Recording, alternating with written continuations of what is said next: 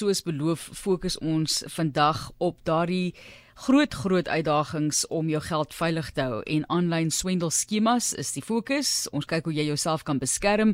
François Vivier saam met ons op die lyn en hy is die groepbestuurder bemarking en kommunikasie liewer by Capitec wat vir ons finansiële inligting gee. Ons het op 'n stadium gesels oor hoe om op 'n sielkundige en sosiale vlak mense raak te sien of uit te ken wat dalk vir jou moeilikheid gaan maak, maar kom ons kyk hoe jy finansiëel geholpe kan word. Baie welkom François.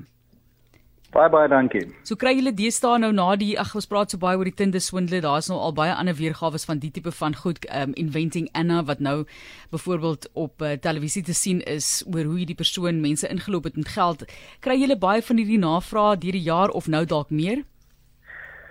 Nie so seer oor oor oor hierdie spesifieke situasie nie, maar ons sien baie gevalle waar mense onder 'n soortgelyke um swandelskema wil ek sê onder um uh gekwes of uh, deurloop.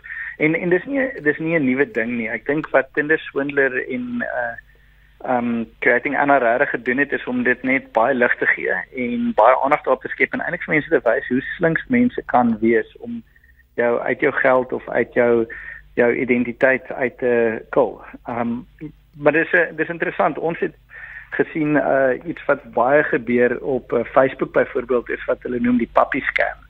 En dit is waar iemand op Facebook Marketplace gaan en uh, foto sien van oulike hondjies en en bietjie meer uitvind. En die persoon aan die ander kant van die lyn stuur vir hulle nog foto's en bietjie meer inligting oor die hondjies en miskien 'n sertifikaat van van uh die van die egtheid van die van die diere en so trek hulle mense in om om emosioneel hulle self te verbind tot hierdie hierdie hierdie troeteldiere wat hulle wil koop.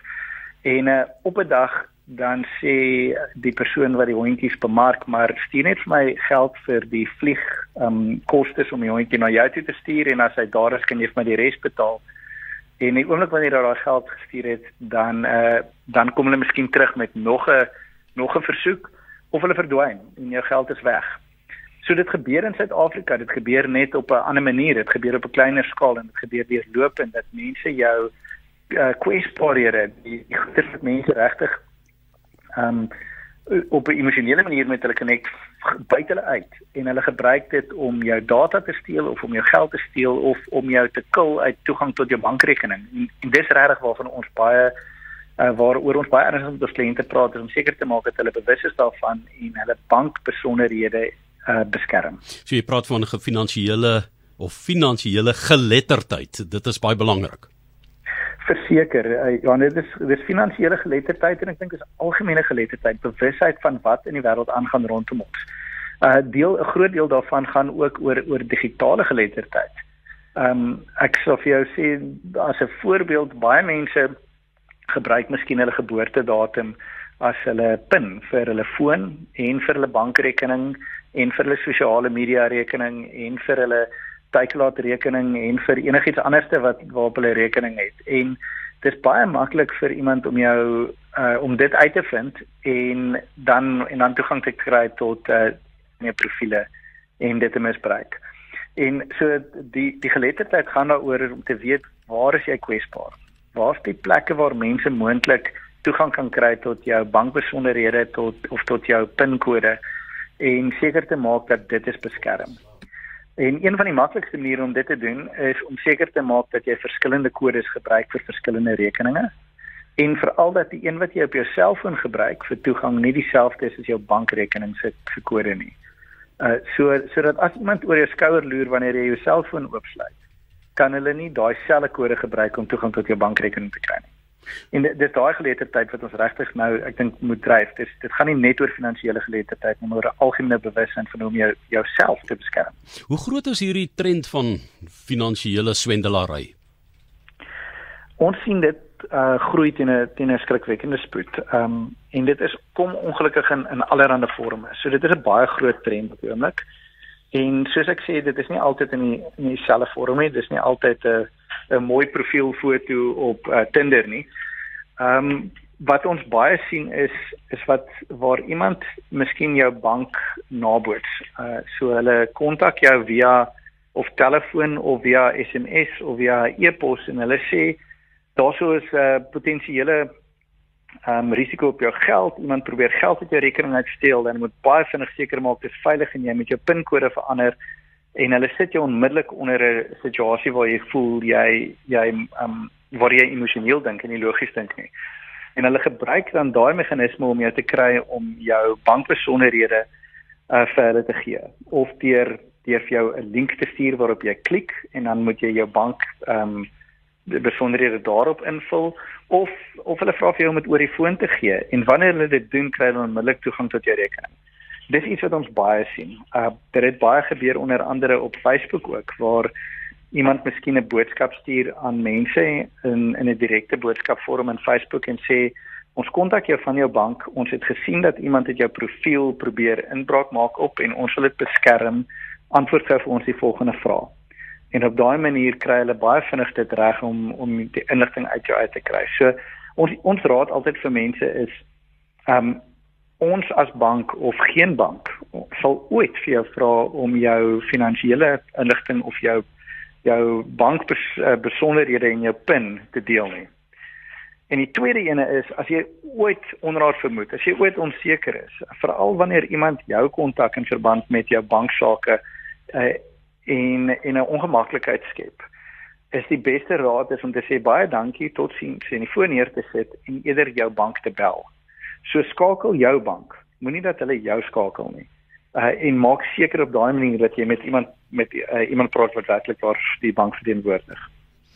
Die rede vir die vraag natuurlik oor geletterdheid van finansies is dat ek onlangs gelees het dis eintlik die mense wat baie geletterd is wat geval met hierdie val vir hierdie tipe van dinge. Dis die mense wat in IT werk, daai tipe van ding en ek sê nie dit is nou die geval. Ek dink dis die geval nie. Dit is 'n artikel wat ek gelees het en is jy sien mense wat dink ek is bestand want ek is mos nou savvy as ek maar daai woord in Engels kan gebruik. Ek weet hoe dinge werk. Ek weet wat is die maniere wat hulle vir jou probeer uh, vasvang, maar dan is dit daai selfe mense wat wel op daai skakel klik. Dit is dit is korrek. Dit gebeur ongelukkig reg um, reg deur die bank. En soos ek sê, is dit dit gebeur uh, omdat uh, die swendelaars 'n manier kry om jou op 'n emosionele manier te vang eerder as om tot jou logika, logiese denke um, te ou daarop staat te maak. So partykeer wanneer mense voel hulle hulle ehm um, hulle moet hulle self beskerm dan maak hulle maak hulle foute. Uh, ons het onlangs gesien waar iemand dit reg gekry het om binne die maatskappy hulle self voor te gee as 'n personeellid. Uh en dan met die hulpbron menslike hulpbronbestuur afdeling die salarisrekening vir daai persoon te verander. En die effek daarvan is aan die einde van die maand die salarisse betaal word, te word dit in die verkeerde rekening inbetaal. En dis 'n een eenvoudige dingetjie wat mense vind om uh, om deur die stelsels te kom en op daai manier geld te steel. En dit is nie noodwendig mense wat wat uh nie geletterd is nie. Dit is ehm um, ek dink dit is mense wat net dis moet net regtig bedag wees daarop en seker maak dat jy soos ek sê jou die toegang, die sleutels na jou geld en die sleutels na jou jou profiel en jou inligting beskerm.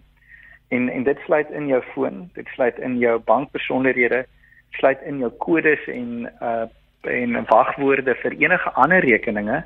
Um en natuurlik as jy ooit onderraad vermoed, uh kontak eerder die bank direk en help vir ons vanuit 'n finansiële instansie perspektief. So, Francois, gaan nou net vir ons sê wat jou rol byvoorbeeld is, jou instansie se rol sal wees wanneer iets soos dit nou plaasgevind het. Maar kom ons praat oor hoe sien jy iemand soos dit? Hoe erken jy iemand wat jou geld by jou wil steel vanuit 'n finansiële oogpunt? Dit is uh, dit hang baie af van hoe mense jou kontak. Uh, en ek dink dit dis die eerste ding is om te kyk vir enigiets wat buite die norm is. Ehm um, indien iemand jou kontak oor die foon, uh is dit beter soos ek sê om eerder te sê baie dankie, uh, ek skakel eerder my bank terug. Ehm um, en partykeer is dit oor 'n e-pos en dan is dit belangrik om te kyk of dit kom van 'n uh, van 'n erkende e-posadres af en of daar enige links op hierdie e-pos is wat jy nie vertrou nie. En weer 'n keer as jy onseker is, moet liewer nie op 'n link klik nie. En moet nooit op 'n link klik en jou persoonlike bankinligting op dit insit nie maak eerder e-pos toe, vee dit uit en gaan na jou bank se webtuiste toe of kontak die ehm um, die kontak uh, die kliëntediensafdeling. Ja. Uh en dan partykeer is dit SMS. Ehm um, en ek dink daai ene moet mens veral versigtig voor wees. En mens sien baie keer hoe, die die SMS'e wat jy kry het spelfoute in of ehm um, of lyk like net asof dit uh is is is nie professioneel geskryf nie. En dis 'n baie duidelike teken, maar partykeer is dit baie professioneel aan mekaar gesit en dit is lyk werklik waar asof dit geldig is. Ehm um, mense moet daarvoor ook versigtig wees. So daar's ek dis nie maklik nie, maar daar's 'n klomp klein tekentjies uh en ek dink die kern is as dit jou ooit ongemaklik maak voel, dan moet 'n mens eerder die die gesprek beëindig en direk eerder met die bank kontak maak.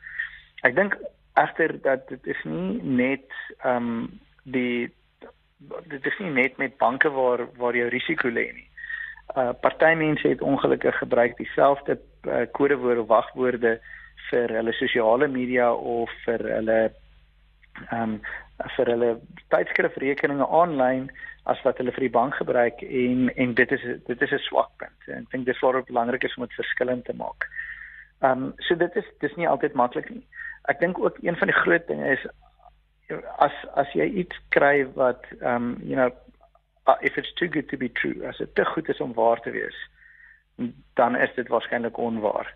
Uh so dit gebeur gereeld dat mense boodskap kry wat sê jy het geld gewen of uh as jy net die volgende dinge doen kan jy klomp geld verdien of hier's 'n maklike manier om uh, om jou inkomste te verhoog en en as dit ooit klink asof dit te goed is om waar te wees, dink ek mense moet regtig dit sien as 'n rooi lig en nie daarop reageer nie. Dis nou baie belangrike inligting hierdie mos het nou nog net 2 minute is jy moet maar vir my kyk hoe jy vir ons kan help um, om dit bietjie korter te hou. Francois, ek wil net daarby aansluit mense, moenie daar is niks so iets soos 'n dom vraag nie. Jy weet Ek kry baie keer 'n ding ek stuur dit dadelik vir die finansiële instansie en sê is hierdie legitiem? Al kom dit van 'n bank wat ek 'n rekening by het. Ek sal nog steeds vir hulle stuur en sê is hierdie legitiem? Ek gee nie om of ek dom lyk like, asof ek lyk like, asof ek weet waarvan ek praat nie. Ek vra as ek nie 100% seker is nie, stuur liewer vir iemand en vra maak seker. Fransjo net laastens so, wat is julle rol om mense te beskerm en wat gebeur wanneer 'n persoon dan nou byvoorbeeld geld verloor het deur so 'n proses?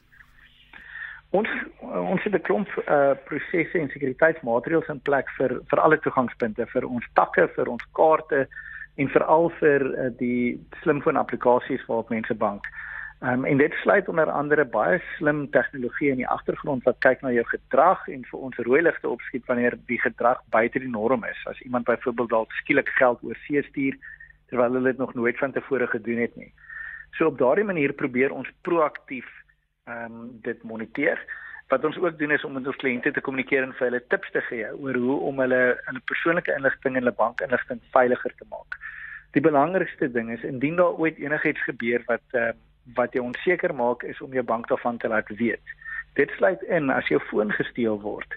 Laat ons onmiddellik die bank weet sodat hulle jou bankapplikasie kan stop. Want indien die die die skurke dit reg kry om toegang tot jou foon te kry en daardeur tot die um, en en jy dieselfde wagwoord vir jou bankapplikasie gebruik het, is dit baie maklik om daarna verder te gaan. So uh, indien jy onseker is of jou foon uh gesteel is, kontak onmiddellik die bank um by die kliëntediens afdeling ek en, en ons maak dit baie maklik om om dit te stop en weer te heraktiveer wanneer 'n mens 'n nuwe foon gekry het en jy um, en jouself kan ehm um, kan identifiseer. En, en ek dink dis die praktiese raad. Is soos jy sê, ehm um, wees wees net regtig bedags of bedag op dit en uh wees eerder veilig. Rather safe than sorry